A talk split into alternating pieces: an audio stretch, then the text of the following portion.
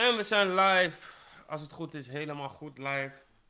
Goedemiddag met een glimlach, grappies en grappin. Ik hoop dat alles goed met jullie gaat. Wacht maar, ik zie je comments. Dat ga je straks zien. Oké. Aan. Eh. Wagwan mensen, we zijn weer live. Ehm, het is een mooie dinsdag. Het is zonnig. Het is warm. Het is een mooie dag, mooie week. Ramadan voorbij. Ik hoop dat het voor iedereen goed was. Ik hoop dat jullie fijne suikerfeesten hebben gehad voor de mensen die hebben gevast. En eh, dat het een mooie maand voor jullie was. En eh, voor ons wel. Of voor mij wel, ik weet niet van hem.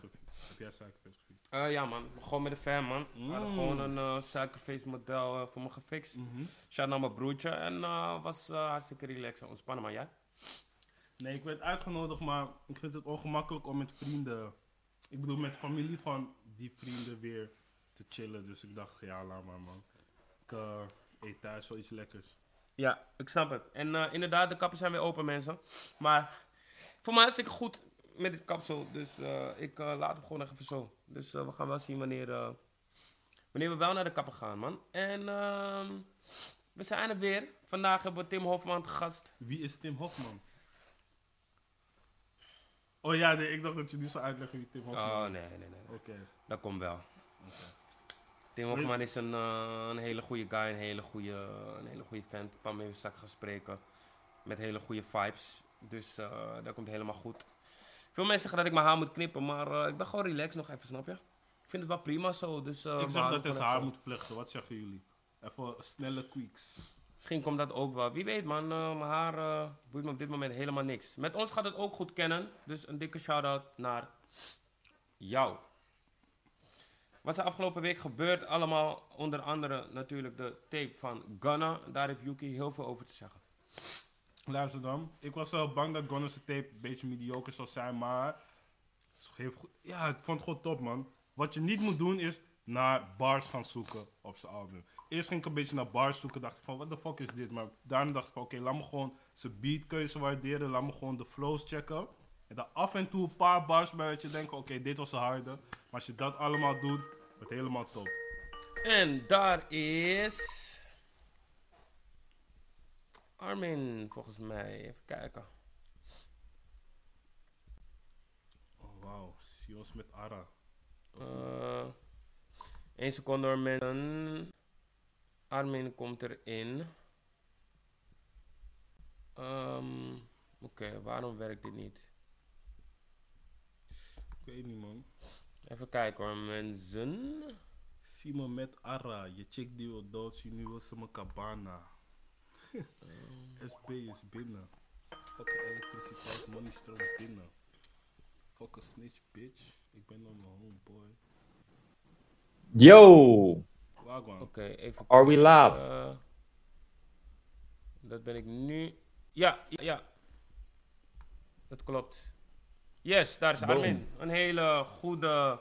Je licht is wel een beetje. Anders dan normaal, maar je bent niet in LA nu, man. ja. Oh ja, zet best Zal ik het even fixen? Chief album ook. What's up? Is het donker, hè, of niet? Mhm. Ja, best wel, man. Is hij zo goed? Ehm, Steeds donker, hè? Is minder dan normaal. Time, time, time, time, time. We gaan het regelen, we gaan het regelen. Moet die focus even fixen. Het wordt licht, hè. Ik ben trouwens wat ziekjes, mensen. Let niet op mij. nee, gewoon verkouden, man. I know. Wat heb je? man. Oh, verkoudje. Ja, man. Ik weet niet wat met mijn camera is, man. What the fuck? Jullie zien me niet goed, hè? Kijk, we zien je wel goed, maar is niet die kwaliteit van normaal. Ja. Mhm. Ja, zonde. Let me check, let me check, let me check. Waar hadden jullie het ondertussen over, jongens? Over Gunna's album, maar ik zou overstappen naar Chief's album. Of had je nog wat te zeggen over Gunna's album? Nee, nee, nee. Ja man, Chief's album. Uh, Unforgettable Night. Laatste pokoe. Gaat sowieso over Henky. Gaat sowieso over Henky. Maar ik voel hem. Ik voel hem. Want hij zegt iets van... ehm, het begon al bij die bar waar hij zegt van... Ja, ik hoef mensen niet eens te zeggen over wie het gaat. Want je weet zelf wie. En hij zegt gewoon dingen van... Ja, maar ik dacht we zouden lang samen zijn. En ik vind het zelf gek dat het zo is gelopen. Maar ik hoop dat we in de toekomst toch weer zus en zo kunnen zijn. En het enige wat ik nu was de reactie van Henky. Hij heeft die tunes sowieso gehoord. Ik vraag me af of ze sowieso elkaars albums checken. Maar los van dat, ik vind uh, Chocolata Body en weet die andere die hij heeft geklipt, Shook Shook. Dat zijn maar twee van die goede pokus erop, man.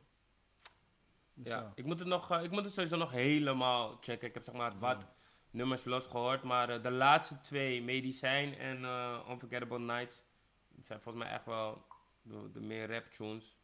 Die vond ik sowieso hard, man. En Shiva en Shiva Henkie komt goed, man. Met de tijd.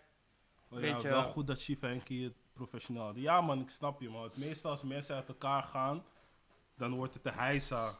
Met de tijd komt het goed, en mensen. Met de tijd. Ze houden het wel netjes. Heb je uitgecheckt Armin?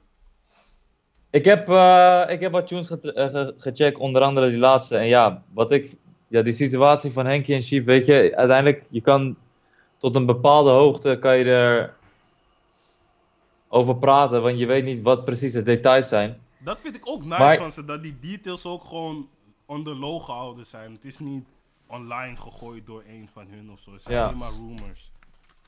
Precies. En eh, daarom vind ik het lastig om over te speculeren over van hoe zit dit en hoe zit zus en hoe zit zo. Maar feit blijft is, je weet toch, wij- als fans, als liefhebbers zouden ze weer heel graag eh, samen willen zien, snap je? Ehm, maar goed, dat is, eh, dat is aan hun. En voor de rest, Chief. Ik vind het heel dope dat, nu, dat, dat er gewoon artiesten zijn die naar, je weet toch, naar Ghana gaan. Ja. Ze, zijn, ze hebben voorheen ook een album opgenomen op Jamaica. Dat, ja, dat ze op die manier het albumproces ingaan in plaats van standaard in een studio te zitten. Je hoort ook aan die vibes dat het ehm, niet van hier is, man. Er is toch True. wel meer vibe erin. Vooral, True, true. Volgens mij die, die toen met King Promise. Oh ja, maar die was al uit, maar die is ook een topper, man. En zijn album is best goed, man. Ja. Is, is wel een 7. Maar Gunna album heb ik even gemist. Wat vonden jullie van die? Ik vond hem hard, man. Wat vond jij? Ik eh, denk dat dit het... Eer, de, kijk, hij had natuurlijk eerst... ehm hoe heet die tape? Met die groene cover. Slime Season 3. Juist. Dat was even, dat was even zijn doorbraaktape. Alleen die tape daarna deed het niet echt. Mhm. En ik denk dat dit een soort van weer een album voor hem is dat hij... eh, je weet toch, volgens mij gaat hij op nummer 1 komen in Amerika. En eh, hij gaat in Nederland ook hoog scoren. Dus dat dit zijn... eh, ik zag breakthrough project week is. 130, man. Ik ben blij dat hij zeg maar heeft gehaald, want Lil Baby gaat echt hem. En op een gegeven moment, nee, uiteindelijk mensen zien het toch wel als een soort duo. Ook, ook al zijn ze het niet echt, maar dan zijn mensen toch wel van, oké, Lil Baby heeft dit gedaan, wat gaat Gunna nu doen? En ik ben al blij Ja. dat Gunna aan het presteren is. En ik ben blij dat hij met gekke flows komt, want op Nasty Girl, die laatste flow gaat helemaal kwijt, man. Voordat Mm. het naar cameras gaat. hij, is een, hij is nu eh, een van de vernieuwers als het gaat om melodieën. Ja. Man, dus ik, ik ben ook benieuwd wat er nog meer van hem of dat kamp gaat komen, man. Sowieso zo shout-out naar Wild Style Records. Ja, man, dan Hij gaat- laat het lukken man, Young Thug. Ja, man, zeker, Kan zeker. zomaar in de voetsporen van eh, Gucci Mane eh, treden. Want hij was ook die... eh, Oh ja, persoon die eerst op Baby was. Voorloper, hè. Shout Gucci, man. Ja, ja, ja, ja, ja, ja. zeker, zeker. True. Hey, volgens mij hebben we een gast in de, in de wachtrij staan. Yes, de wachtrij. Die red, die is... Dus eh, ik ga hem gewoon meteen voegen aan de gast van vandaag. Jullie weten al, inmiddels al wie het is. Staat overal in de titel en aankondiging. Tim Hofman van BNN van, van het internet. Van Boos, van Over Mijn Lijk, van BNN, de presentator. De podcastholder. Wacht even, waar is hij? Is hij hier? Ah ja, hij heeft nu ook een podcast. Ja. Maar daar gaan we hem allemaal over spreken. Even kijken hoor. Tim Hofman wordt gebeld. Siebe met mid. Mid van, man. Heeft deelgenomen, staat er. Hallo. Hallo? Grappig. Tim, we horen, we horen je, maar we zien je niet. Nu wel. Ja, Nu zien we je. Hey! Boom, Tuurlijk wel. Hoe is het daar? Goed, Ja. Top, goed. Iets, Lekker, met minder jou? met de belichting aan deze kant. Maar eh, Je hebt, echt, je hebt echt wel een huis waarvan ik dacht van ja, dat is wel een Tim huis. Ben je je eigen huis? Ik of Ja. Armin? Jij, jij, jij Tim? Ik, heb wel, ik ben in mijn eigen huis, ja. Ja, weet je niet? is het Ik, Tim ik vind het wel een Ik Tim heb, huis. da- daar is mijn gym, mijn zelfgebouwde gym. Wauw.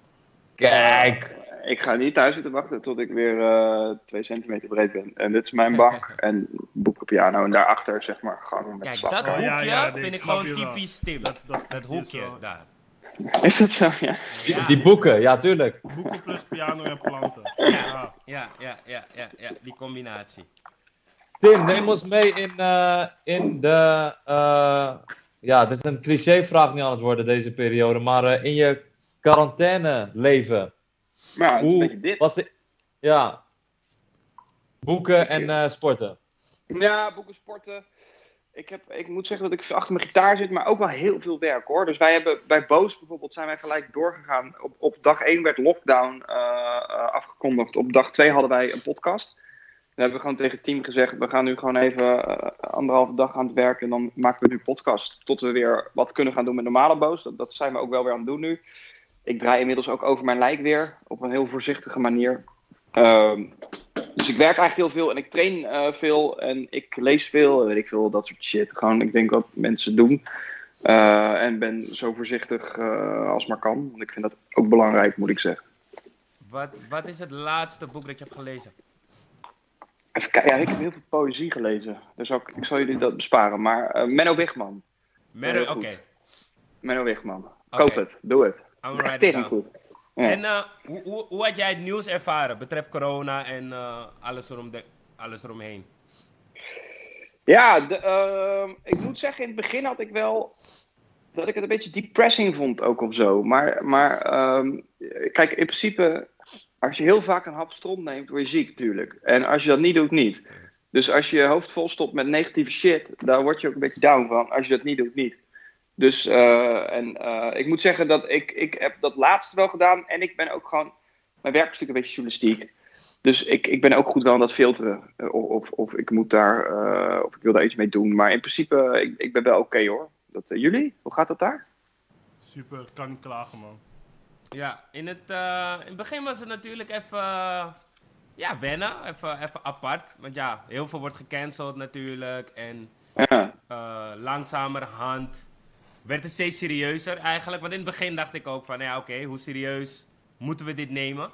En eh, ja. ik had ook een beetje het gevoel dat Nederland een beetje achterliep qua serieus nemen of zo. En eh, ja, op een gegeven moment werd, het echt van oké, het, het hakt er echt in. En eh, Nu is het gewoon go with the flow, man. Ja. Maar ik zie dat mensen het gewoon uit het niets minder serieus nemen. Ze denken gewoon van oké, nu wordt het mooi Ja. weer, fuck it. Geen corona meer. Ik merk het ook bij mezelf. Ik, ik kijk echt om de paar uur wel op NOS. Dan heb je zeg maar zo'n blog waarin ze bijhouden hoeveel mensen er nog opgenomen worden en hoeveel mensen er aan overlijden. En hoe, hoe lager dat aantal begint te worden, hoe meer ik het gevoel heb dat het einde in zicht is. ja.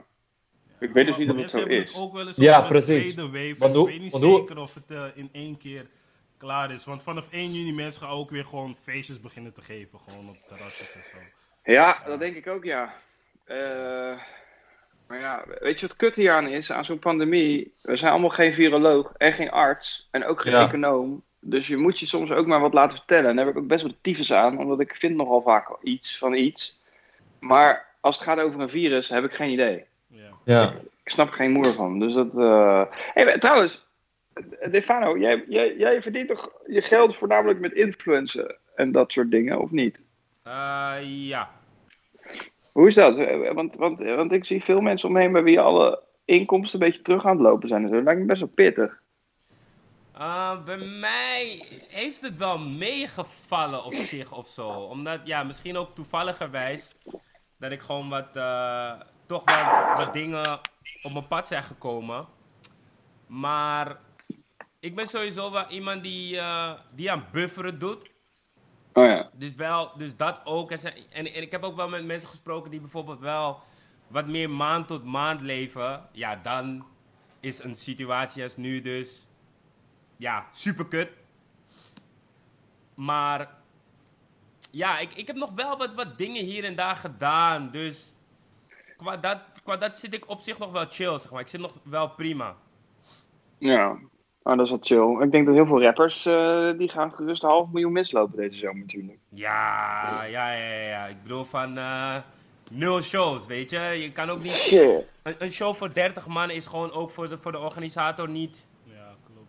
Slaat nergens op. Ja, Die Ja, festivals, je moet je, die je, moet die je kaartje doen, 500 piek maken, maar dat slaat er nergens op.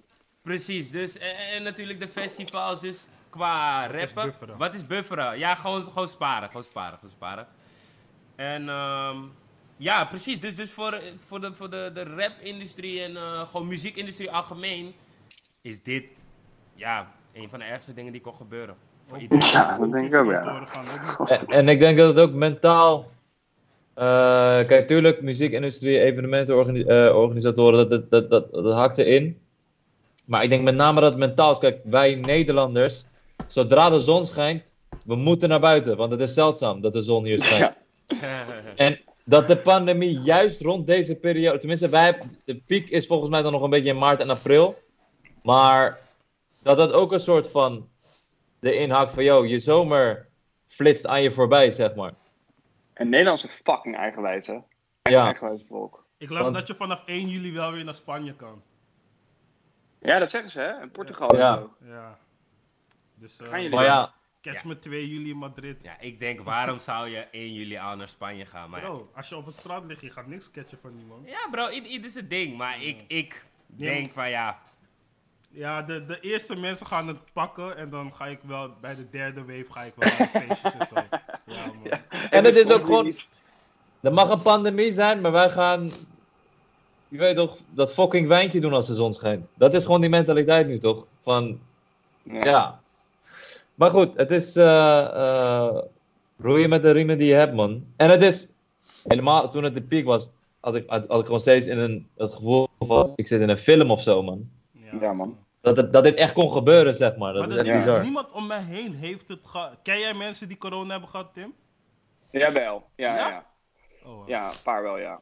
Ehm, en die zijn er ook wel echt ziek van geweest, echt met koorts en shit, maar niet aan dood gegaan. Waren allemaal leeftijdsgenoten ook. Mm. Dus, eh, corona. maar ik zal wat je zegt. Toen, eh, in het begin was niks duidelijk. Je kon dat niet zien. Er was weinig info. Niemand begreep het echt. Je wist niet echt wat je moest doen. Ik had ook het idee in de film. Zo, wat de fuck gebeurt hier, hoor? Ja. Dat is fucking raar.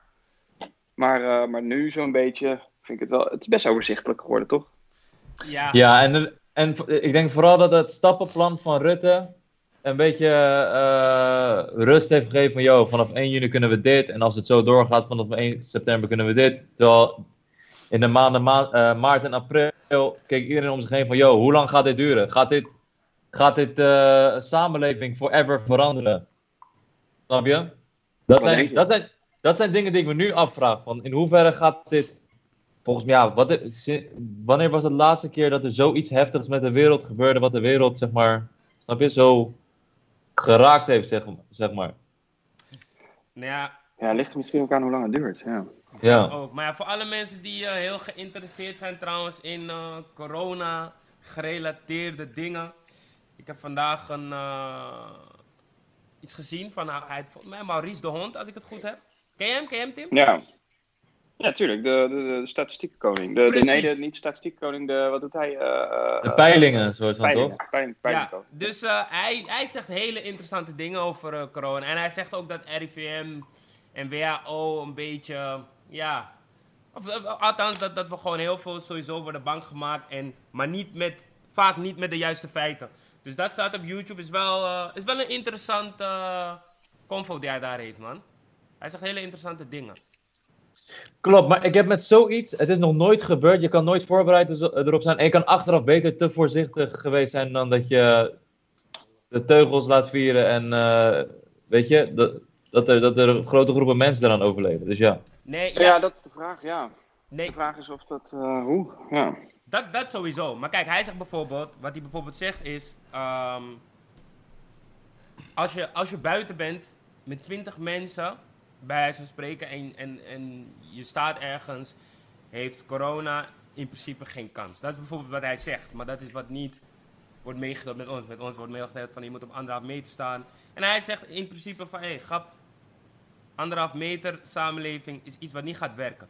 Maar ja, daarom bro, het is, het, is, het is lastig. Maar er zijn gewoon heel veel, in ieder geval heel veel tegengeluiden.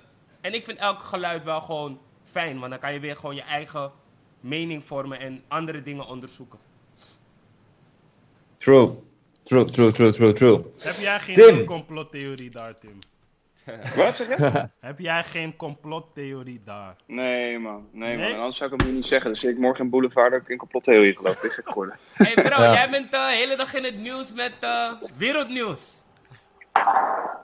Met wat? Ja, Tim, hebben jullie, hebben jullie dat niet gezien? Zijn, eh, zijn wereldnieuws dingen. Ja, maar het is... De laatste tijd als ik wat... Vorige keer was mijn hoofd verbrand. En toen stond ik op nu.nl dat mijn hoofd verbrand was. What a life. De- dus ik ga het niet nu zeggen. Ja, weet je wat ik denk? Ik ga het gewoon niet doen. Ik weiger. Ik ga Nee, niks zeggen. Ja. Ik luister naar je. Gelijk, man. Je hebt zeker gelijk. Tim, nu Ja. je, nu je, nu je vaker binnen zit, eh, Ja. om dan toch nog het bruggetje naar muziek te maken. eh, Ja, laten we het daarover wat, wat, wat, wat, wat, wat, wat luister je? Wat, eh, ver- eh, merk je verandering in je, in je muziekgedrag, consumentengedrag? Ehm, nou, vooral in het begin. In het begin dook ik dan meer Mac Miller bijvoorbeeld. Dus, Ja. eh, dus dat vind ik wel, vind ik wel nog hip-hop of hip-hop gelieerd. Ehm, en eh Russo, Dave Buddha, Linde Schöne. Ik ben, ik ben heel erg van dat kamp. Steen, weet je wel. Dat, dat- Ja. dat, dat vind ik hele goede songwriters allemaal. Maar ik eh, zat vanmiddag op de fiets gewoon met Drake hoor. Dat, dat, dat luister ik ook gewoon altijd wel veel. Even kijken hoor, in het kader van hip-hop. Eh, eh, laat maar, ik pak mijn Spotify erbij, wacht. Ja, Handiger. lu- luister, je, luister je nu eh, meer rustgevendere muziek? Ja, Dat is wat de statistieken van eh, Spotify bijvoorbeeld zeggen, dat, eh, dat dat soort muziek nu echt uh, ja, ik denk het wel, muziek populairder wordt. Want, want muziek is voor mij altijd iets waarmee ik mezelf oplaat. Je, Als ik, als ik naar talkshows moet, Ja. ik heb eh, gewoon grote shit te doen met boos of persoffensieven of weet ik veel, ruzie met de regering. Dan zetten wij wel altijd gewoon van die power move muziek op, weet je wel. Precies. Maar dat kan, dat kan Kanye zijn, maar dat kan ook iets, iets waar veel om gebragd wordt. Weet ik veel. Ja. Dat kan ook eh, Seven Alias zijn of Ron. Weet je wel, eh, gewoon, een mixtape van Ronnie Flex of zo. Het gaat om dat het een Ja. beetje eh, eh, masculien is vaak. Dat, dat, dat, dat, Ja. En daar zet ik me altijd van af, van masculiniteit. Maar ik vind het altijd wel lekker om dat even in te pompen met muziek. Omdat Ja. je lichaam daar gewoon van aangaat, weet je wel. Dus dat, eh, en ik maak tyfus veel lijstjes ook. Luister je geen drill? Eh, Ja, ik heb hier eh eh, 7-3, luister ik wel. Wauw. Wauw. Wauw. ehm, en weet je wat ik heel erg vet vind? Ehm ehm eh, eh, eh, Heady One. Ja. Die Ja, heeft man. met, Wow. met hoe heet die? Eh, Jamie is, XX en zo. Ja, maar hij heeft die, die, la die laatste EP van hem heeft hij een soort van, van, Een nieuwe van saus. eh, het- een soort house van gemaakt. Ja, Ja. eh, Jamie XX muziek, gewoon van die zweverige house. Maar dan met, met want er staat natuurlijk allemaal tekst op van zijn album daarvoor nog.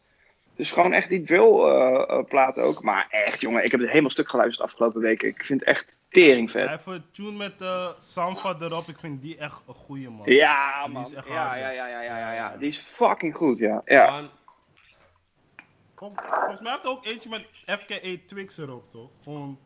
Ja, ook. Ja, Ja, ja, ja. en die ja, vond ik ja, zo ja, ja, ja, random. ja. Ik dacht, wat doet Heady One met haar? Maar ik Ja. wel tof man, hoe hij gewoon wel die nieuwe ja. invloed... eh, Ja, want je moet Ja. nagaan, je komt uit een eh, drillhoek. Weet je hoe lastig het dan is om een soort van experimentele kant op te gaan zonder dat je je fanbase eh, verliest? Dat, dat onderscheidt de grote artiesten van de.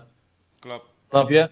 Ja. Van de average artiesten. Ja, want het voelt ook niet nep of generiek. Of dat hij dacht, Ja. nu ga ik hitjes scoren en dit doen. Hmm. Het is tering vet. En met, met, eh, ja, die, ik zeg, kijk, die producer Fred Again. Die fucking goed is trouwens. Eh, en met, eh, inderdaad, met Sampa, met, eh, met FK, eh, FK Twigs en met Jamie XX. Eh, echt tyfus harde plaat. Gang heet die. ja. Sowieso die Ja. single Gang is vet al. Ja, man, Harry One. Dat is echt. eh, ik vind Octavian ook eh, vet als we dan toch over Ja. Experimentele hip-hop artiesten hebben. Ja. Je merkt dat, eh, dat de UK-scene echt veelzijdiger aan het worden is eh, met, eh, met de dag eigenlijk. Ja, er zijn allemaal nieuwe dingen aan het proberen. Octavian stond natuurlijk pas op die plaat bij The Blaze. Eigenlijk een beetje Jamie XX en, Ja, ja. en, eh, en Heady One. Een beetje dezelfde soort combinatie. Dat was tyfus hard ook. Dat was echt Hele toffe tune. Ja. Ja, man. Maar dat Ja, is, dat is een beetje wat je, wat je luistert. Luister je nu ook nu meer naar de podcast? Nu je, nu je vaker binnen bent? Ja, wel, ja, ja, ja, ja. Maar ik, ik maak er twee per week zelf.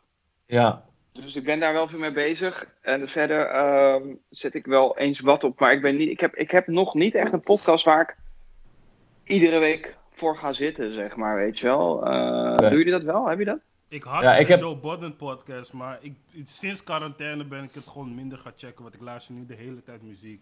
En we doen twee keer in de week convo, dus zulke... ja.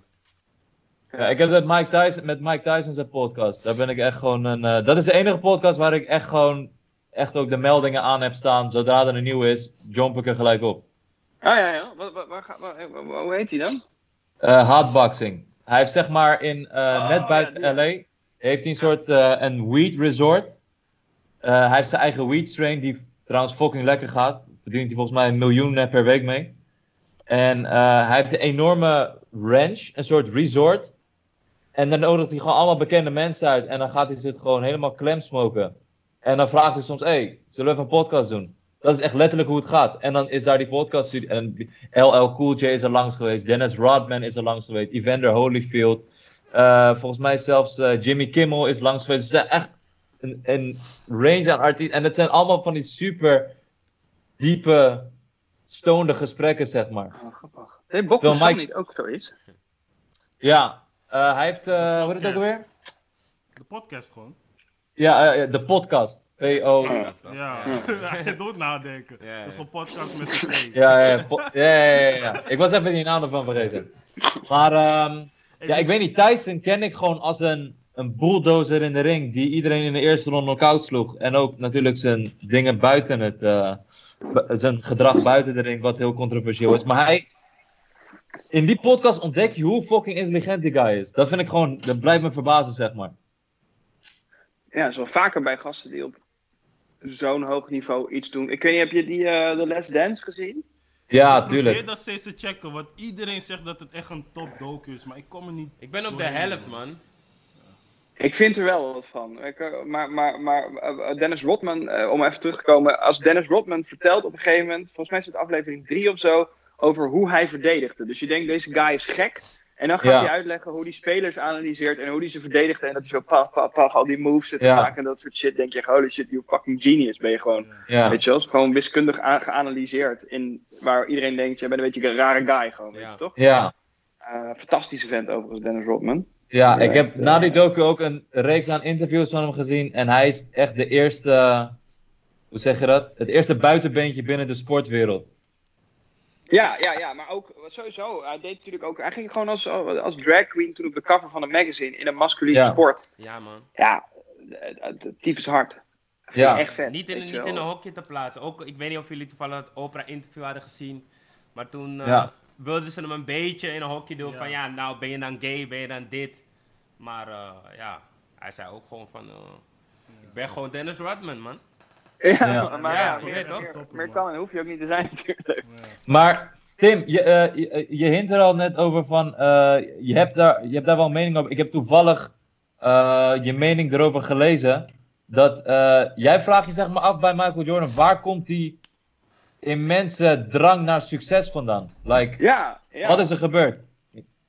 Hadden jullie dat niet? Ik zat dat te kijken. En, en, en, maar dat zal een beetje mijn journalistieke hart zijn ook of zo. Kijk, die man hangt alles op aan binnen. Maar tot op het, Ja. zieke, op het zieke af. Dus het gaat om Ja. gokken. En hij fucking rijk, dus hij kan het ook doen. Het gaat om een potje golf. Dat gaat om stuivertje werpen met zijn beveiliging. En dat gaat om basketbal. Nou, dat gaat om alles. Alles, alles is competitie bij die man. Nou, als je daar gelukkig van wordt, ja, eh, niks over te zeggen, helemaal niet. Daar vind ik verder niks van.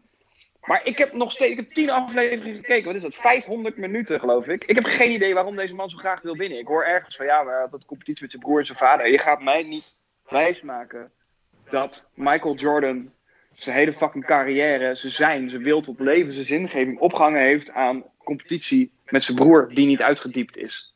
En als dat zo is, dan waren het slechte journalisten. Dus ik begreep het niet. En ik ben er zelf ook heel veel mee bezig, omdat ik ben ook vrij competitief. Maar ik heb het geprobeerd een beetje uit te schakelen, omdat je dan heel de tijd naar anderen moet kijken. Ik, ik, vond dat, Ja. ik heb dat ook wel eens getweet.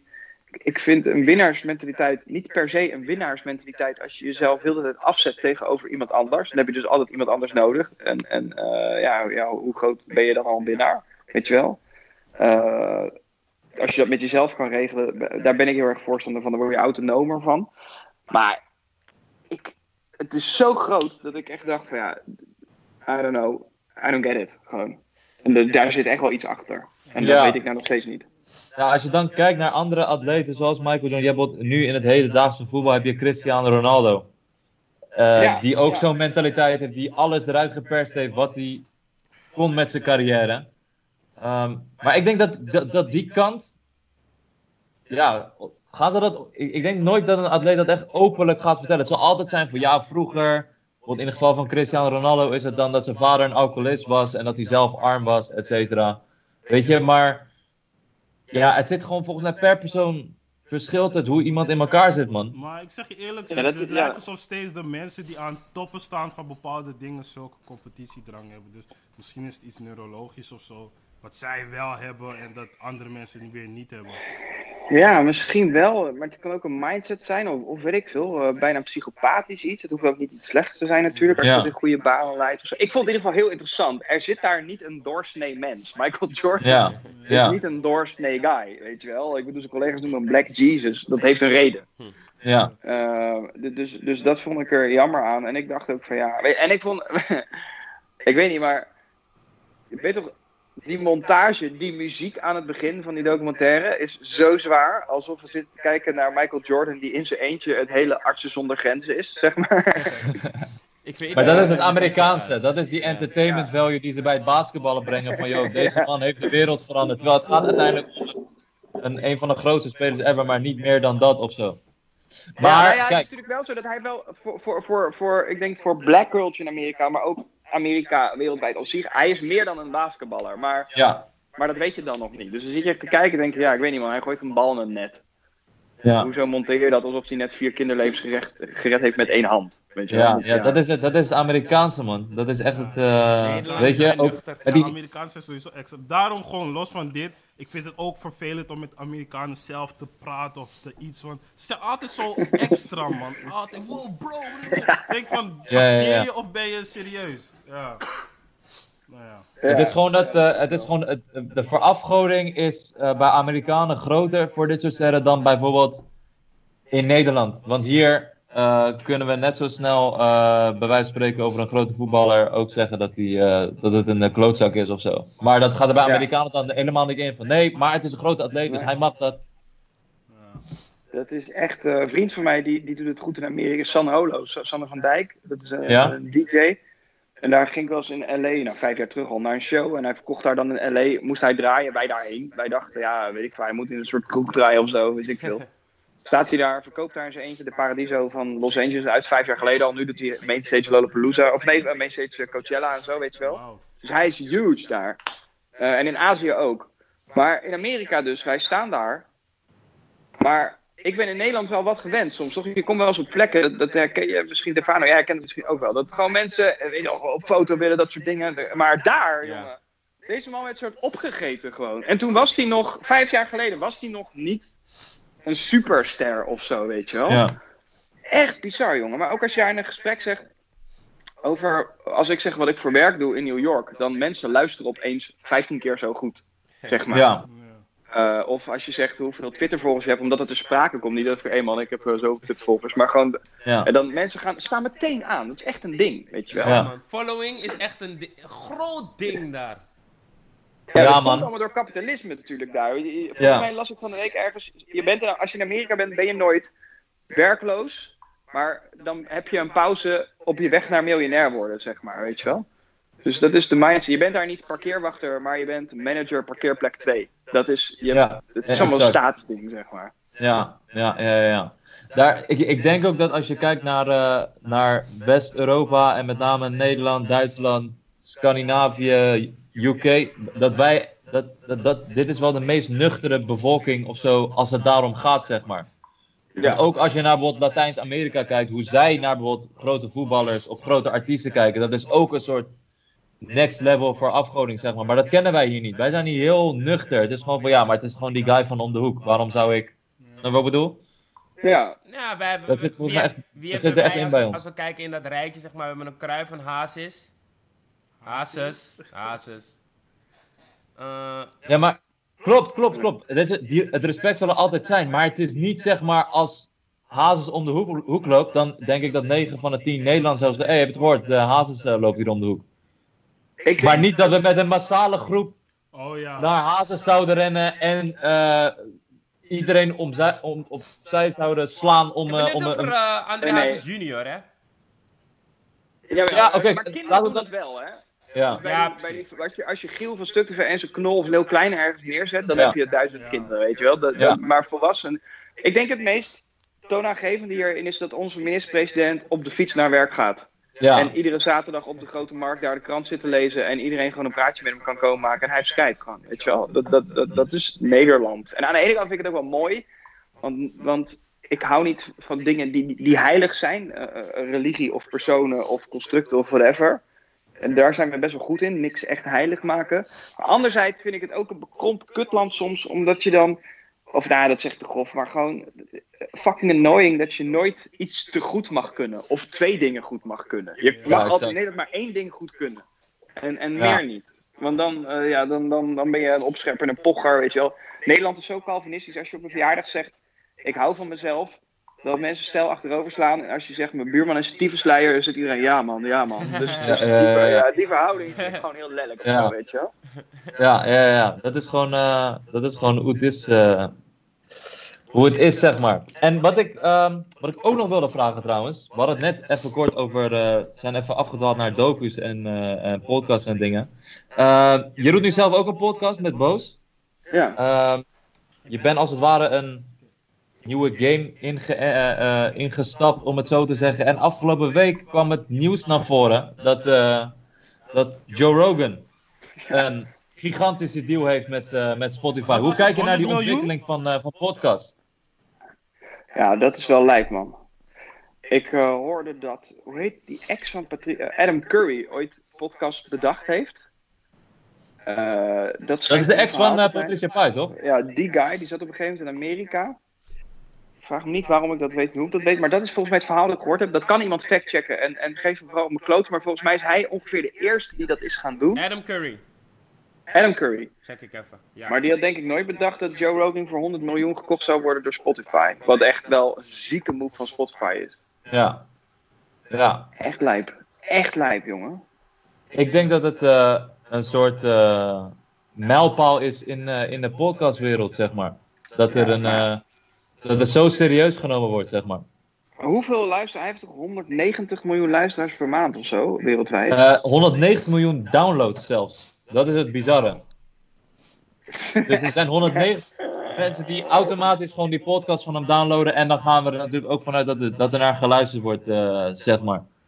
Ja, dat is, dat, dat is astronomisch. Trouwens, Ja. als ik eh, even snel opzoek, staat er wel dat hij een soort van self-proclaimed dat hij de eh, uitvinder is van de podcast. In Adam 2005 Curry. zegt hij. Ja, Staat het ook? ja. Maar of hij dat is, dat staat er hier tenminste niet echt, maar, maar goed. Adam Curry. Een leuke legende om in leven te houden, toch? En Ja, dan toch? uitvinden van de podcast. Po- podcast van mij. Of nee, nee, Joe maar- Rogan Maar het met is- de money van doorgaat. Maar Tim, je hebt ook dingen natuurlijk op, eh, op, eh, op radio gedaan. En ja, zie je het ook als een soort. eh, eh, ja, een vertakking van wat radio nu is? Nu meer uitgebreide gesprekken. Het is zeg maar muziek, Ja. luister je apart en gesprekken luister je apart. Terwijl voorheen was het met radio was het een beetje door elkaar, als het ware. Ja, ja, naar gelangen denk ik, hè. Ik, Ja. ik hou niet zo van dat tegenover elkaar zetten. Toen wij met YouTube begonnen met Boos, toen werd altijd gezegd, ah, en tv, en dat is dood. En zo. Ja, ik weet niet, maar op zondagavond kijk ik gewoon nog steeds, I don't know, wat is het, 2 miljoen mensen naar Lubach, zo wat? En dan nog een Ja. miljoen online. Dat kan prima naast elkaar bestaan, als je het Ja. maar goed programmeert. En dat, die kunst is veranderd. En ik weet met podcast en radio dat het hetzelfde is. En je ziet dat 3FM daar eh, eh, olympisch in faalt afgelopen jaren. Ehm, ehm, en dat Q-Music dat dus wel goed doet binnen een hele moeilijke doelgroep. Dus, dus Ja. het kan gewoon allemaal. En podcast eh, snijdt iets nieuws aan. Ik vind podcast, als je de cijfers van podcast ziet, vind ik het nog wel marginaal in Nederland. Als je Klopt. Op die apps 20 tot 40.000 luisteraars voor een podcast hebt, dan draai je heel hoog mee in de regio, Ja. zeg maar. Dan ben je Klopt. echt top 3 van Nederland of zo. Klopt. Eh, eh, en dat wist ik, wist ik ook niet precies. Wat ik ook wel lekker vind, want dan ben je een beetje, in de, ja, dat klinkt stom, in de, in de marge lekker langgerekte shit aan het maken met een goed gesprek. Maar ik eh, vind, vind het wel opmerkelijk dat dat nog zo weinig is, zeg maar. Als wij 40 of 20.000 kijkers voor Boos hebben, dan hebben we echt niet goed gedaan, vind ik. Ja. Dus, eh, Ik denk omdat het. eh, omdat YouTube, wat nu met name veel views oplevert, dat het een soort van. eh, ja, het zit, veel, het, zit, het zit echt in mensen gedrag om dat, om dat te kijken. Je, je, je hebt automatisch gelijk een volgende video. Je hebt allerlei. Weet ik veel, kijk ook naar dit, kijk ook naar dit, abonneer, abonneer. En ik denk dat het, dat het bij podcast echt nog in de kinderschoenen staat. Ik bedoel, toen wij met Ja. podcasten begonnen, was die podcastfunctie van Spotify één grote grap. Ja, ja, ja. Snap je? En ze hebben pas anderhalf jaar terug, volgens mij, echt met categorieën zijn ze gaan werken. En, weet ik veel, en, een, en een ranglijst van, joh, dit zijn de meest beluisterde. Maar ik denk dat daar, als daar op een gegeven moment een ontwikkeling in komt, ehm, dat het vanzelf eh, gaat lopen. Die gebruiksvriendelijkheid zit hem ook niet. En, en ook niet bij Apple Podcast trouwens. Nee, vind ik best wel een ramp eigenlijk, moet ik zeggen. Ja, Eh, dus ik- eh, je ja. ziet nu ook dat Spotify, dat, dat, dat eh, podcast echt een prio voor hen aan het worden. Ze hebben eerst eh, Joe, eh, Joe Budden natuurlijk ook eh, vanuit de hip-hop podcastwereld aangetrokken. Je hebt Tidal, ze hebben Rap Radar. Eh, Hotboxing heeft een deal met Apple po- eh, Podcasts. Dus, dus de- er worden wel moves gemaakt, alleen nog niet echt in de infrastructuur, denk ik, van Nee, het gebruiken en het luisteren van, eh, van podcasts. alleen merk maken nog. Dat is ook Ja, zo, exact. Ja, ja, ja, ja, ja, Daarom- ja. Hoe doen jullie dat dan? eh, gewoon dat het een kwestie van tijd is, man. Maar ik vond het sowieso wel interessant wat je net zei. Want de, eh, de het, wordt, het wordt altijd echt, eigenlijk tegenover elkaar gezet. Nog steeds vaak. Ik denk wel wat minder misschien dan eerst. Ik heb het nu over eh, tv en YouTube. Ja. Maar ehm, toen jullie dan boos wilden doen en eigenlijk op YouTube wilden starten, kregen jullie dan eigenlijk veel ehm, tegengas? Of was het eigenlijk meteen van go for it? Nee, bij de NPO veel tegengas. Eh, sowieso, dat was een hele rel. Ik heb nog een hele brief aan mijn zenderbaas geschreven toen eh, in het parool van 500 woorden. Van ja, ik weet niet, maar je snapt er echt geen hol van. Want dat hele programmeren niet. Eh, wat, eh, echt aanraden om te doen ook, weinig gedoe. Maar inmiddels, inmiddels is dat natuurlijk gewoon mainstream. En ook Boos is gewoon mainstream geworden. Daar heb je gewoon geen televisie voor nodig meer, zeg maar. Om een mainstream merk te worden. Ik denk als je op straat vraagt, ken je Boos? Dat het ook niet alleen maar meer jongeren zijn, maar ook omdat we dingen als kinderpardon gedaan hebben, of RTL De Villa en Temptation Island, weet je wel, de laatste keer in het najaar. eh, dat, dat, dat het gewoon prima slagkracht en breder draagvlak heeft. We zien wel dat bijvoorbeeld views een beetje teruglopen. Dus we zitten nu geloof ik op steady 250.000 voor een filmpje. Nou, dat is wel een half miljoen geweest. Maar ja, als rapper Shores weer een tik uitdeelt, of weet ik veel, eh, dat soort filmpjes, dan zitten we ook weer op een miljoen. Dus dat gaat een Ja. beetje zo. En we hebben daar geen stress om. Als we pers willen maken, dan maken we pers. Als we kamervragen gesteld willen hebben, dan komen de kamervragen, weet je wel. Dus in die zin eh, eh, is, het, is het een prima tool om eh, te gebruiken voor wat wij doen, zeg maar. Waar, waar kwam het idee überhaupt vandaan om eh, boos te beginnen? Nou, dat was 2016 en toen had ik net Wie is de Mol gewonnen. Dus dan wordt je exposure wat groter, ook online zeg maar. Ik ging volgens mij van 30.000 volgers naar 100.000 volgers op Instagram. En, en, en, en, en, en ik merkte gewoon dat online mijn aanhang veel groter werd, nieuwe doelgroep. Toen zeiden we, kort samengevat van joh, we moeten weer een platform voor jongeren hebben waar je terecht kan als je problemen hebt. En BNM was net een fusie eh, geweest, die bediende jongeren niet meer goed. Toen zeiden we, nou dan doen wij dat wel. Toen zei mijn baas, nou is goed, wil jij het dan opzetten?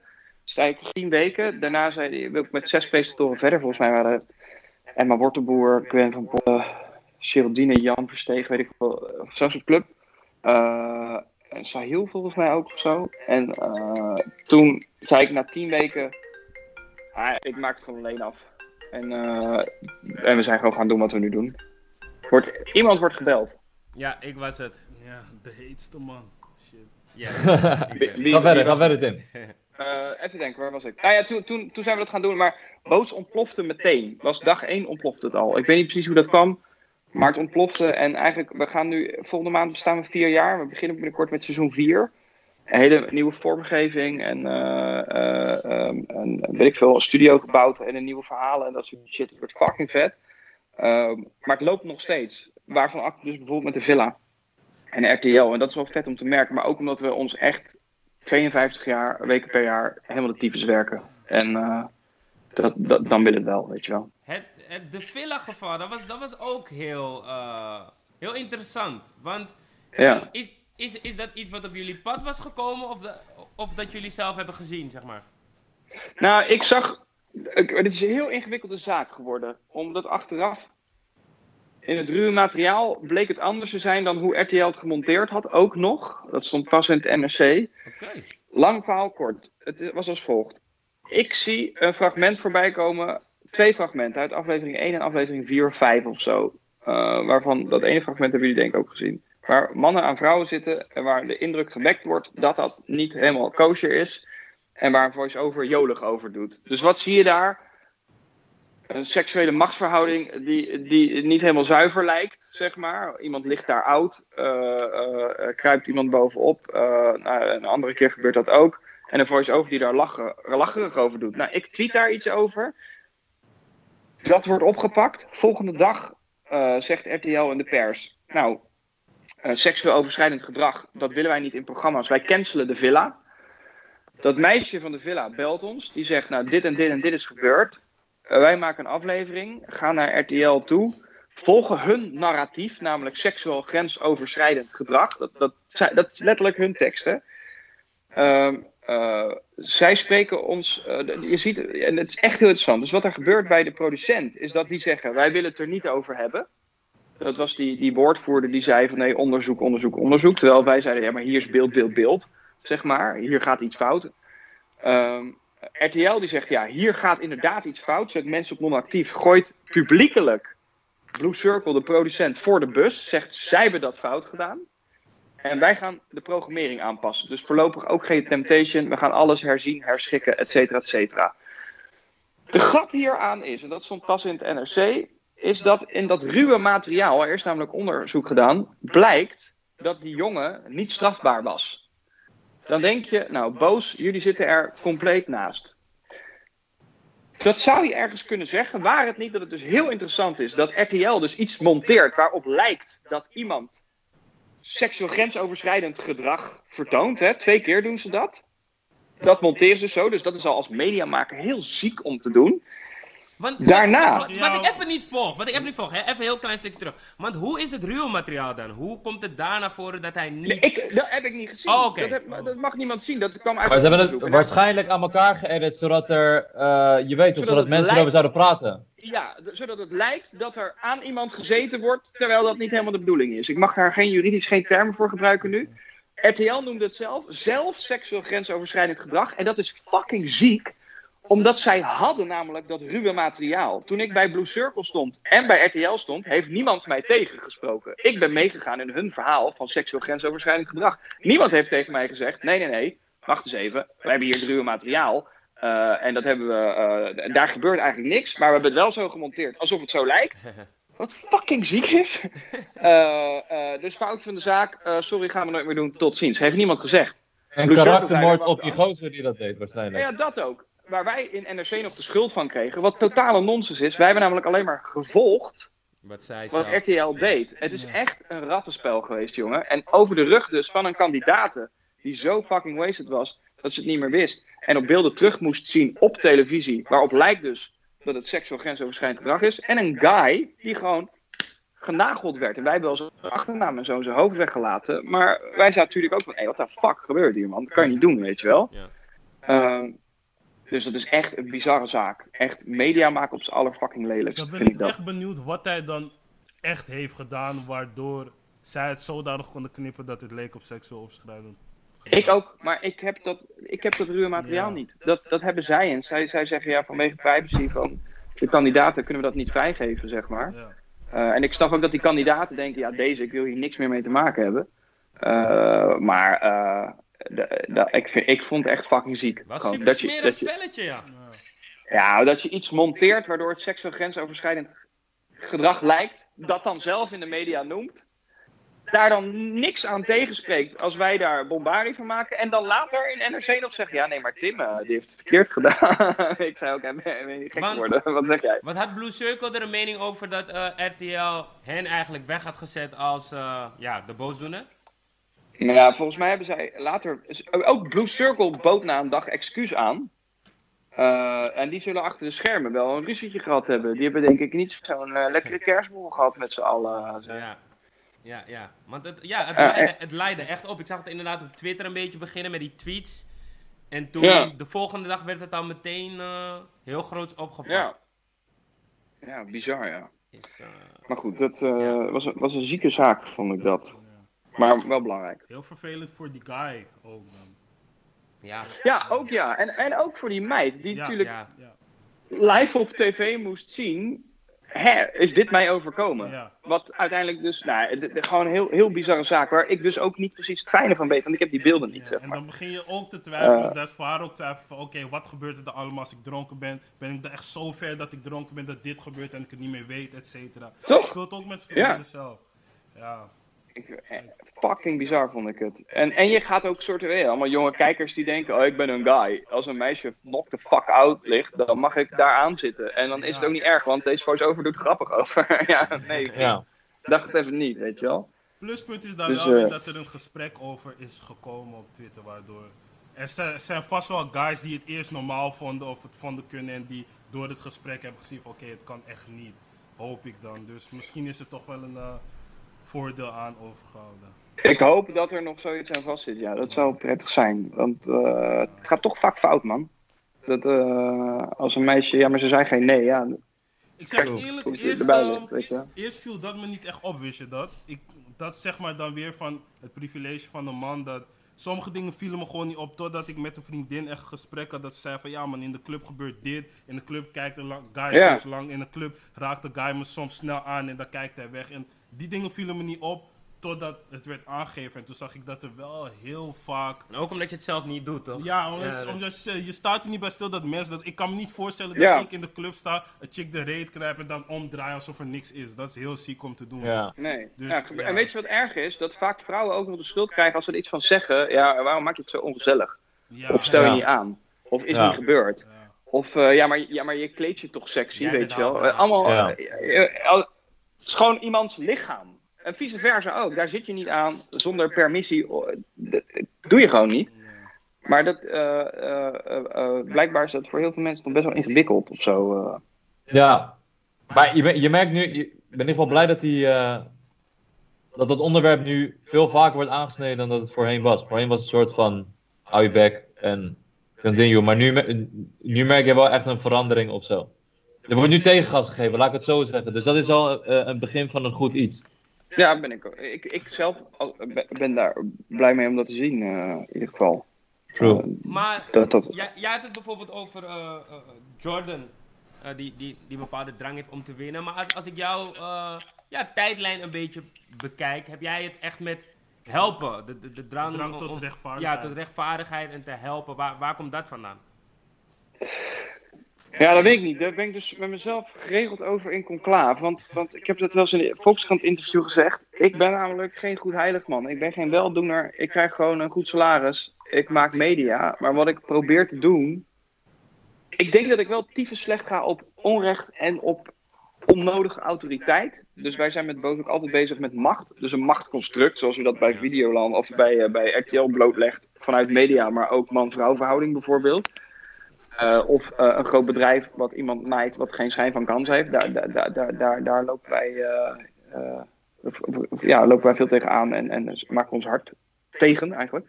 Ehm, maar ik denk dat ik voor mezelf op een gegeven moment besloten heb, als ik media wil maken wat heel dicht bij me ligt, en dat onderwerpen die interessant zijn. En het liefst doe ik dan ook nog een soort maatschappelijk engagement. Dat als ik de boemerang uitgooi, want ik geloof, ik geloof, niet, ik geloof eigenlijk niet in altruïsme. Je doet nooit iets niet voor jezelf. En dat klinkt heel lelijk, maar dat is altijd waar. Eh, omdat zelfs als je een kind uit de sloot redt, zo, zo zie ik dat, is dat iets wat jij doet vanuit of jouw instinct, of vanuit jouw wil, of omdat je denkt dat het moet, of omdat je het zo geleerd hebt. Weet je, het komt altijd weer terug bij jezelf. Ehm, en met dat in mijn achterhoofd heb ik gewoon een baan en ben ik goed in media maken en vind ik dat leuk. Maar ik probeer dan, als ik die boemerang uitgooi, die dus weer bij mezelf komt, dat ik wel wat dingen raak die iets positiefs teweeg brengen. En dat kan dus eh, iets in de pers zijn, of dat kan zijn één op één iemand helpen, zoals in Boos of zo, of iets bespreekbaar maken. En dat is aan de ene kant klinkt dat heel nobel en denk ik dat dat ook eh, vriendelijk is om te doen. Aan de andere kant is dat denk ik ook gewoon een soort ehm ijdele anti-autoriteitshouding. Van ja, luister nou, dit is er, maar de tyfus, ik vind dat gewoon niet prettig. Ik wil wel overal over kunnen praten. Of ik vind namelijk dat deze machtsverhouding niet klopt. En dat gaat ook net zo goed over mezelf. Dus het hele, het hele ding met. Ja, ik ben altijd een beetje huiverig met daar heel erg een schouderklopje voor in ontvangst nemen, eh, publiekelijk of zo. Dat gebeurt nog wel eens, weet je wel. Ja, dit is gewoon mijn baan. En ik meen het wel, maar ik sta hier niet gratis. En eh, ik ben ook niet een arts. Ja. Want, Of Michael Jordan. want heb, heb je dat anti-autoritaire al sinds jongs af aan? Of is dat... Ja, ja. Vanaf mijn tweede. Mijn moeder noemde me altijd Timmy Nee toen. Ik luister, ja, ik ben niet vervelend of zo, niet kwaadaardig, maar weet je wel, ik stop voor rood omdat ik snap waarom het moet. Ja, Maar ik rij ook door als het kruispunt leeg is. Dus, Ja. d- dus, dus eh, ehm, ik, net zoals nu, nu, nu moeten we binnen blijven, toch? Ja. Ja. En ik denk dat dat echt het goede is om te doen. Dus ik heb ook, ik doe dat niet zo heel vaak zo prekerig. Echt mijn gevolg opgeroepen, helemaal de, dag voor de lockdown eigenlijk. Of twee dagen ervoor. Van, yo, blijf de vak binnen, ga niet naar de kroeg. Volgens mij gaat dit fout, weet je wel. En dat vond ik heel wat om te doen. Omdat zo, ik bedoel, het lijkt vaak of ik prekerig ben, maar ben ik eigenlijk nooit. Maar dat was wel, omdat ik echt dacht dat het even het goede was in het kader van een pandemie. Maar ik voel toch ook wel een beetje de libertariër in mezelf opborrelen. Dat ik, dat ik, dat ik, dat ik anti begin te worden nu. En ik hou mezelf in, ook in het kader van dat ik blijkbaar een soort rolmodel ben af en toe, waar mensen naar luisteren. Wat ook gevaarlijk is natuurlijk.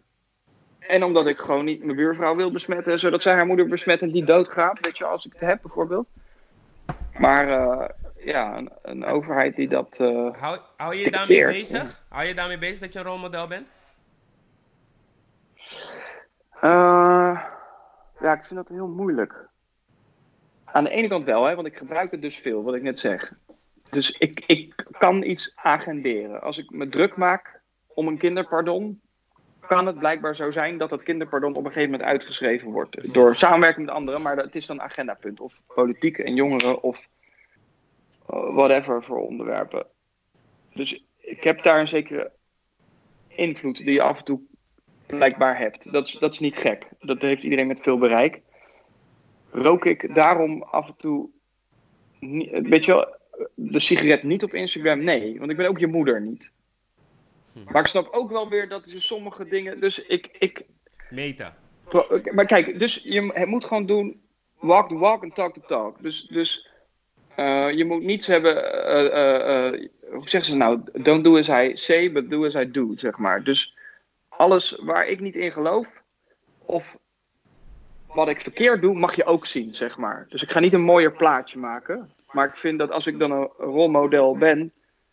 eh, eh, en ik heb een grote mond, moet ik ook zuiver leven. En ik leef ook zo zuiver mogelijk en eerlijk mogelijk, weet je wel. Omdat ik gewoon eh, het goede wil doen. En dat mag je ook zien. Maar ik, ik vind het. bijvoorbeeld Stuk TV stond een keer iemand rokend op de cover van de Cosmo, geloof ik, of zo. Of Stefan. Ja, klopt.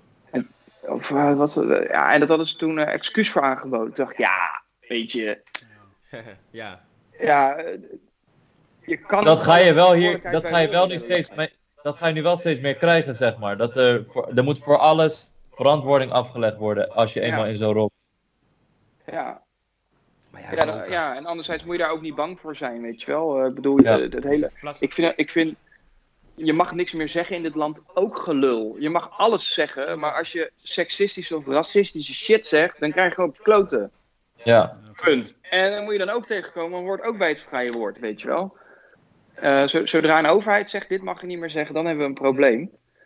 Eh, maar verder, eh, ja, ja, misschien al is het niet grappig om eh, iemand die gehandicapt is uit te lachen in zijn gezicht. Misschien Ja. toch niet, weet je wel. Of misschien vind je het wel grappig, moet je het lekker wel doen. Maar moet je ook niet, ook niet ouwe als iemand er iets van vindt of zegt. Dus, eh, ja. Live Ik of denk- role denk model. sowieso dat het rolmodel gedoe een beetje niet onzin is, maar het ligt echt, is echt niet aan jou. Bijvoorbeeld, we hebben het dan weer met dat drillgedoe. Men zegt, oké, omdat die muziek er is, dan doen jongeren dat, bla bla. Ik geloof wel dat ze er worden, erdoor worden aangespoord, maar uiteindelijk gaat het wel om wat je van huis meekrijgt of je omgeving, hoe je daarmee omgaat. Want ik denk niet dat als ik, bijvoorbeeld, ik vind 50 Cent super, maar ik ben niet van plan iemand neer te schieten of te steken of te beroven of zo. Dus het, Nee. het, het ligt ook gewoon aan jezelf. Ja, maar ik denk dat je een kunstenaar of een maker niet kan vrijwaren van het idee dat hij daadwerkelijk invloed heeft. Maar dat je daar wel iets tegenover moet zetten. Maar hip-hop is heel interessant daarin. Dat hip-hop wel vaak zelf ook proclameert.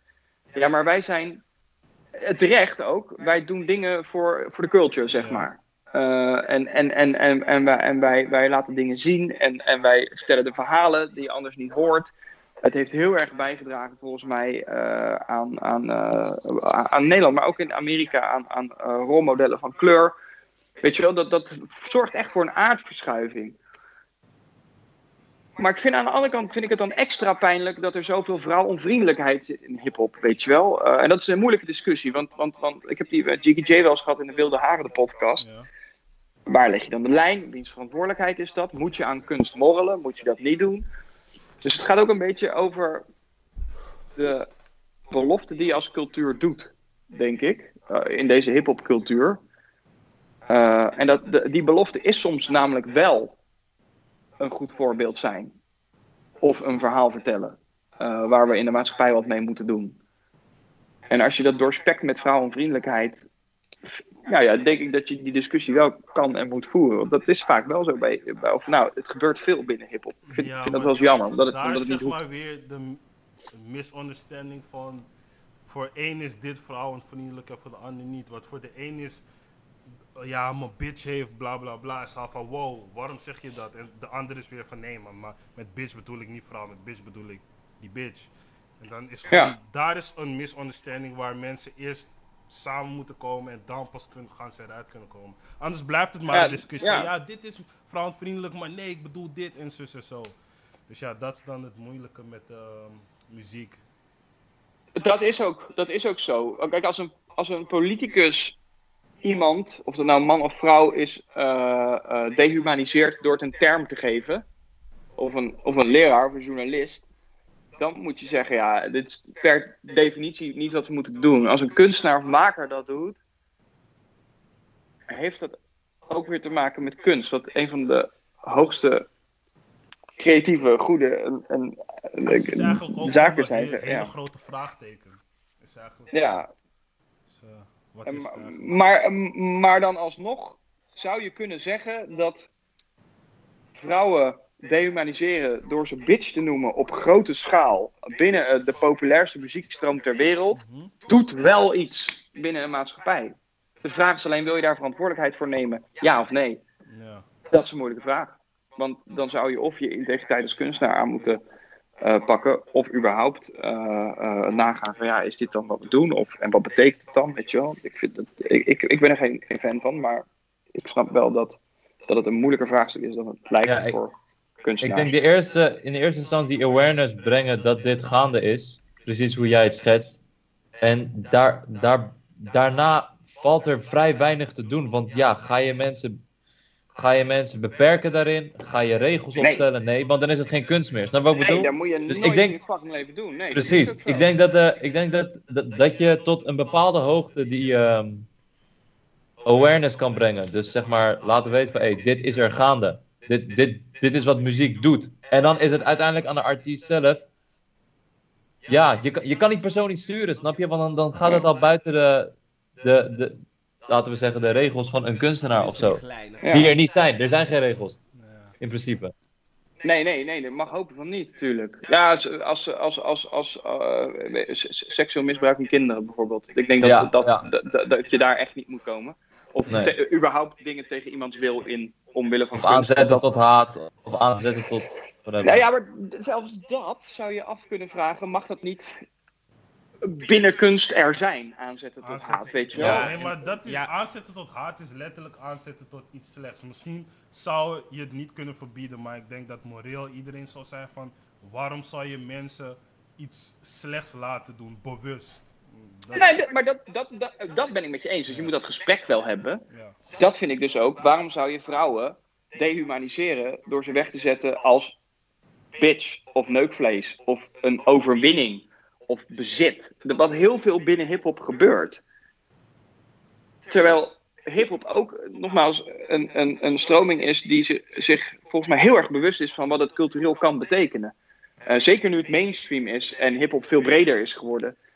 Ehm, en dus kan je afvragen, als, misschien allereerst als hip-hop artiest, is dat wat ik wil doen. Maar je- ik vind dus niet dat je kan zeggen, jij bent kunstenaar. eh, maar dan nog vind ik, dit mag jij zeggen wel. En ik, ik, ik begrijp dit, ik begrijp het volledig, maar als ik dan bijvoorbeeld naar eh, de muziek van Cardi B luister, praat zij ook, of, of, een, of een Megan Thee Stallion, of een, weet je, zij praat ook over mannen in een, niet dat ik me daardoor geraakt voel, of dat ik denk van, yo, yo, je mag echt niet zo over mannen praten, maar zij zien mannen ook bijvoorbeeld als een soort van, ja, hoe zeg je dat? Daarom, kijk, Eh, hoe ik het bekijk. Ja, maar de machtsverhouding man-vrouw is Ja. maatschappelijk gezien anders. Dat sowieso. True. Dat is, dat, dat, is, dat is waarom eh, racisme anders werkt van wit persoon naar persoon van kleur dan van persoon naar, van kleur naar iemand die wit is. Omdat Ja, de sociale eh, en, en de verhoudingen binnen de maatschappij anders zijn. En, Ja. en dus wat Cardi B doet, sluit niet aan op een maatschappelijke tendens. Namelijk Ja. de seksuele machtsverhouding die vaak vanuit een man tegenover een vrouw komt. klopt en daarom ja. is, is dat per definitie wat anders. Het is wel een legitieme vraag, maar ik denk dat het antwoord niet hetzelfde gaat zijn. Mhm. Ja, Zeker. true. Eens. True, true, true, naar wat voor mij zijn. Kijk, dan ben ik weer opgegroeid. Ja, ik luister natuurlijk hip-hop. En dan voor mij, bij bitch denk ik niet meteen aan vrouw, maar aan een bitch meer. Maar ik, ik begrijp dat zeg maar niet iedereen dat heeft. En sommigen bedoelen ook met vrouwen bitches. Dus daardoor is gewoon een hele verwarring in dat kader. Ja, maar oké, dus los van het woord bitch. Vind ik dat binnen hip-hop wel vaak gedaan wordt alsof een vrouw een eigendom is, of een overwinning, of iets is wat geen wil heeft.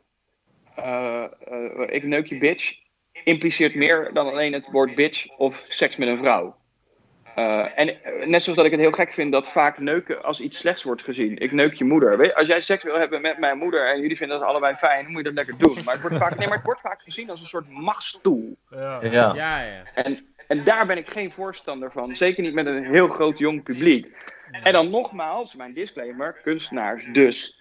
eh, vind ik dat een moeilijke discussie. Maar ik vind het er wel eentje die, bij wie ook het zaadje in de hoofd van de maker geplant dient te worden, denk ik. Ja, Ik denk, Eh. maar want zo begint het toch? Met, het- met het zaadje begint het überhaupt toch? ja. Ja, Maar dat, dat denk ik wel. Maar Ja. dit gaat dan sowieso ook super ver terug. Want kijk, we hebben het nu al over hip-hop, maar over het algemeen, qua alles, is er gewoon zo'n machtsverhouding man-vrouw. En zijn vrouw ook altijd als bezit gezien, et cetera. Dus dat gebeurt niet nu pas. En dan moet je nu iets in iemands gedachten veranderen wat er sinds Ja. jaren is. En daar heb ik het niet over 50 jaar, het is er honderden jaren. Gewoon sinds de middeleeuwen worden vrouwen bijvoorbeeld als bezit gezien, et cetera. Dus nu moeten we de verandering brengen in, oké, vrouwen zijn ook mensen. Natuurlijk zijn het mensen, maar mensen moeten ook weten, vrouwen zijn ook mensen, hebben ook een wil, staan ook gelijk. En dat Ja. is dan het moeilijke waar we nu in zitten. Nou, dat gelijkwaardigheidsprincipe, dat is nog niet helemaal gelukt. Maar dat zie je ook in films en dat zie je, dat zie je ook in bedrijven waar vrouwen nog steeds minder verdienen voor hetzelfde werk. Soms weet je wel, dat is gênant. Het is gewoon fucking gênant. Het is- hoe de fuck is dat beschaving? maar goed, Eh, tot zover mijn, eh mijn eh feministenpleidooi Ah, Maar, eh, in hiphopland. maar is, is, dit, Ja. ben- ben- is daar ook iets, want je hebt, je hebt het ook vaker over inderdaad, over, over feministische dingen, over, over masculiniteit. Is dat ook iets waar je je al langer druk over maakt? Of is dit iets wat je hebt meegekregen van iemand anders? Of hoe is dat begonnen? Ja, nee, dat, ik heb dus een aversie naar expliciet ehm, macho zijn ten koste van iets of iemand anders. En, en, en dat, dat, dat valt vaak binnen het, het, het eh, als ik het eh, eh, helemaal gezuiverd word, het, het genderconstruct man. en ik heb dat van kinds af aan al gehad. En ehm, ehm, net zoals dat ik, ik vooralsnog ben ik volgens mij hetero, maar nog nooit heb homoseksualiteit als iets engs heb ervaren. Wat ook heel vaak zo is, of dat eh, homoseksuele mannen als mislukte mannen worden gezien. Of als mietjes, eh, zonder lef of zo, weet je wel. Dus eh, het hele idee van wat een man is of wat een man moet zijn, daar ben ik gewoon niet zo'n fan van. Want, want ik vind mezelf helemaal geen stoere masculine man, maar ik denk dat ik aan wel heel veel voorwaarden voldoe. Maar ik durf te huilen. En als je het klassieke plaatje man kijkt, voldoe ik aan, dan, dan ben ik breed. Ik, ik, ik, ik, ik, eh, squat, wat is het, 180, 200 kilo. Volgens mij iets vet mannelijks, volgens klassieke zin, om te doen. Ik voel me er geen haar man meer door, Ja. snap je? Een tattoos, een baard, dat soort shit. Eh, maar ik ben ook iemand die held en open over zijn gevoel is. En eh, die eh, eh, Roze eh, op- draagt. o- open is over, over seksualiteit en zijn vriendin. Mijn vriendin heeft een docu gemaakt over, over ons seksleven. Waar, waar, waar, waar, waar, waaruit blijkt dat mijn seksleven in ieder geval een hele lange tijd heel erg stil heeft gelegen. Wat niet iets heel cools is in de mannenwereld om open over te zijn. Maar volgens mij, het meest stoere wat je kan doen als mens, is open zijn en niet bang zijn voor reacties of meningen of whatever. En, en dat is mijn core. En ik vind dat masculiniteit daar vaak aan voorbij gaat. Klassiek man zijn, zeg maar. Ik vind juist heel erg geënt op bang zijn. Bang zijn voor een mening, bang zijn om niet stoer geworden, eh, gevonden te worden of, of, of, of niet groots. Vind ik ook een opvoedfout, weet je wel. Eh, moet ook, bij, wordt ook van ons verwacht. Eh, dus ja, ik, Ik denk, ik denk, ik ja. denk dat we eh, op dit eh, opzicht, op deze punten, dat, eh, dat we aan het begin staan van een, eh, van een verandering. Ja, Maar Dat merk ik echt. ik ook, kapot lang aan het begin staan van de verandering, bro. Sterker nog, ik verwacht over pak een beetje 20, 30 jaar dat dit al in het normaliseerproces, ik weet niet of dat woord bestaat, dat we daar al veel verder in zijn dan dat het nu is. Omdat we nu, nu begint het pas net of zo. Nu hoor je de eerste dingen, nu ken je de eerste verhalen. En het, wordt, het komt steeds vaker voor, je, ziet het steeds vaker op beeld, het wordt, er wordt meer over gesproken, we, we praten er nu over.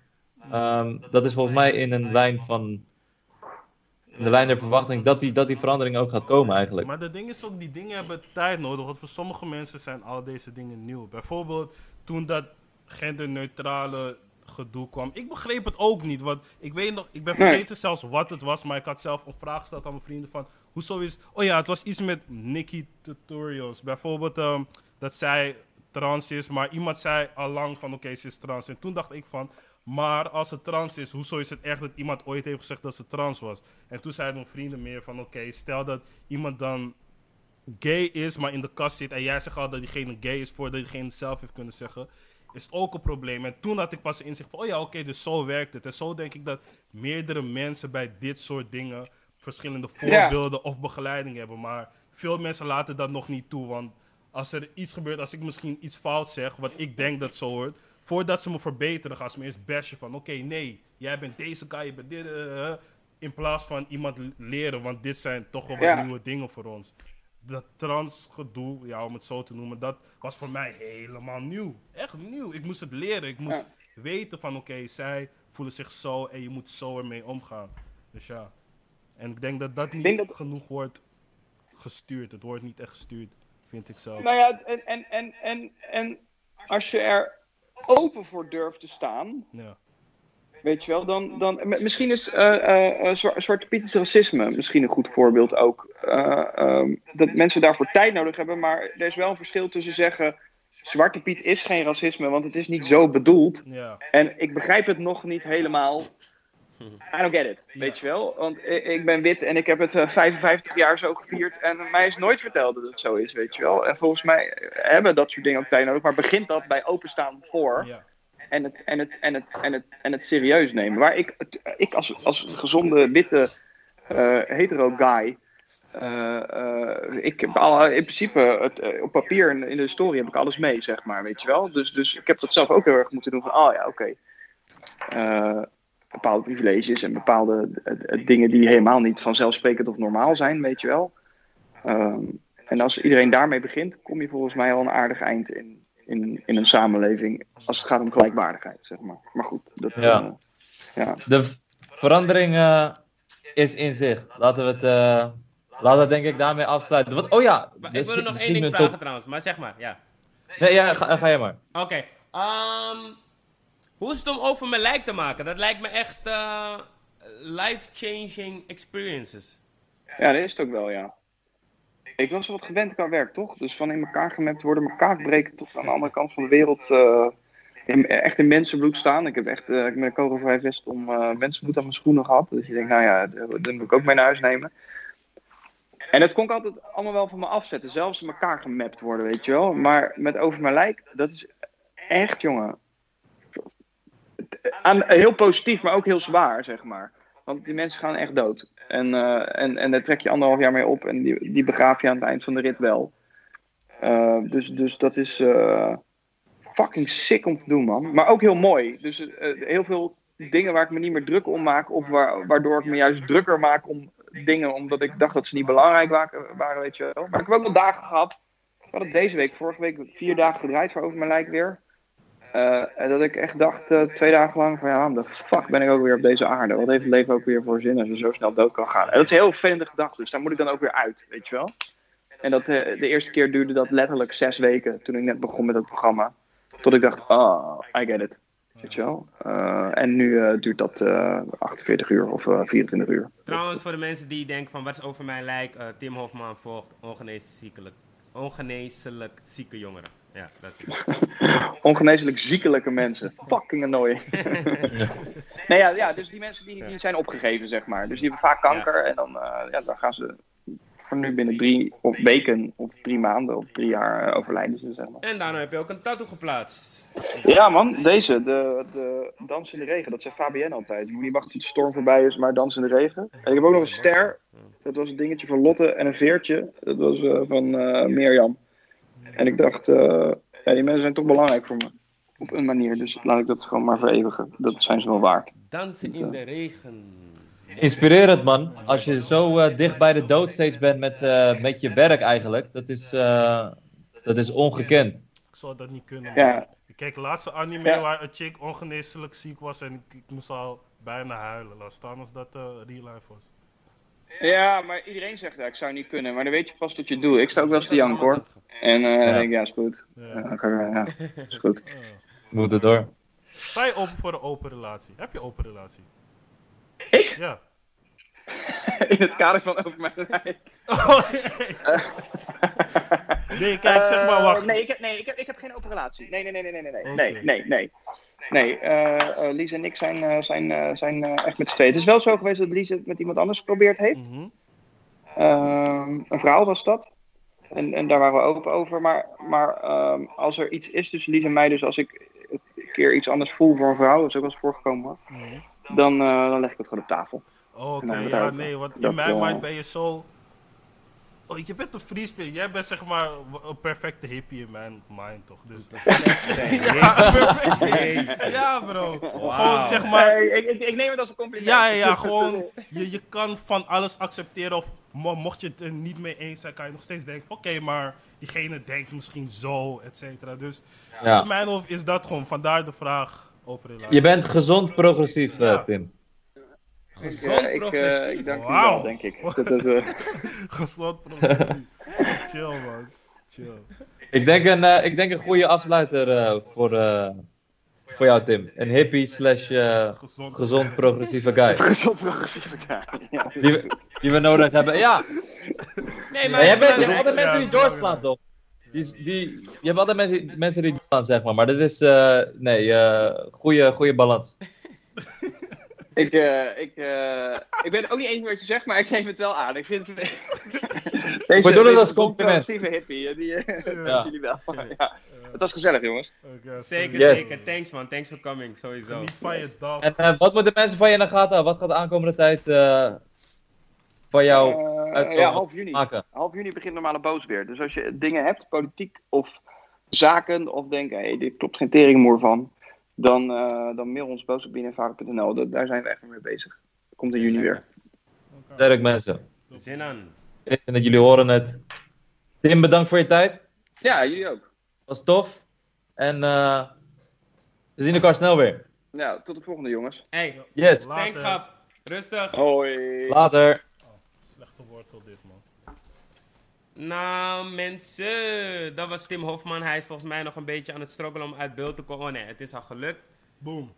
Ehm, ja mensen, dat was weer een Convo Talkshow dikke met Tim Hofman. Ik hoop dat jullie het hartstikke leuk vonden en hartstikke interessant.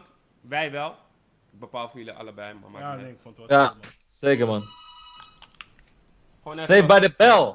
Dames en heren, kom een talkshow met Tim Hofman. Abonneer, like op deze video. Laat weten wat je ervan vond. We sneden wat andere onderwerpen aan dan normaal gesproken. Ik ben benieuwd naar jullie visie. Uh, thanks voor het kijken weer. Thanks voor jullie vertrouwen. Boom. En eh, we zien jullie bij de volgende. Jullie zien ons gauw bij gekke dingen. Love. Benji! Hey, Benji! Love, rustig. Rustig.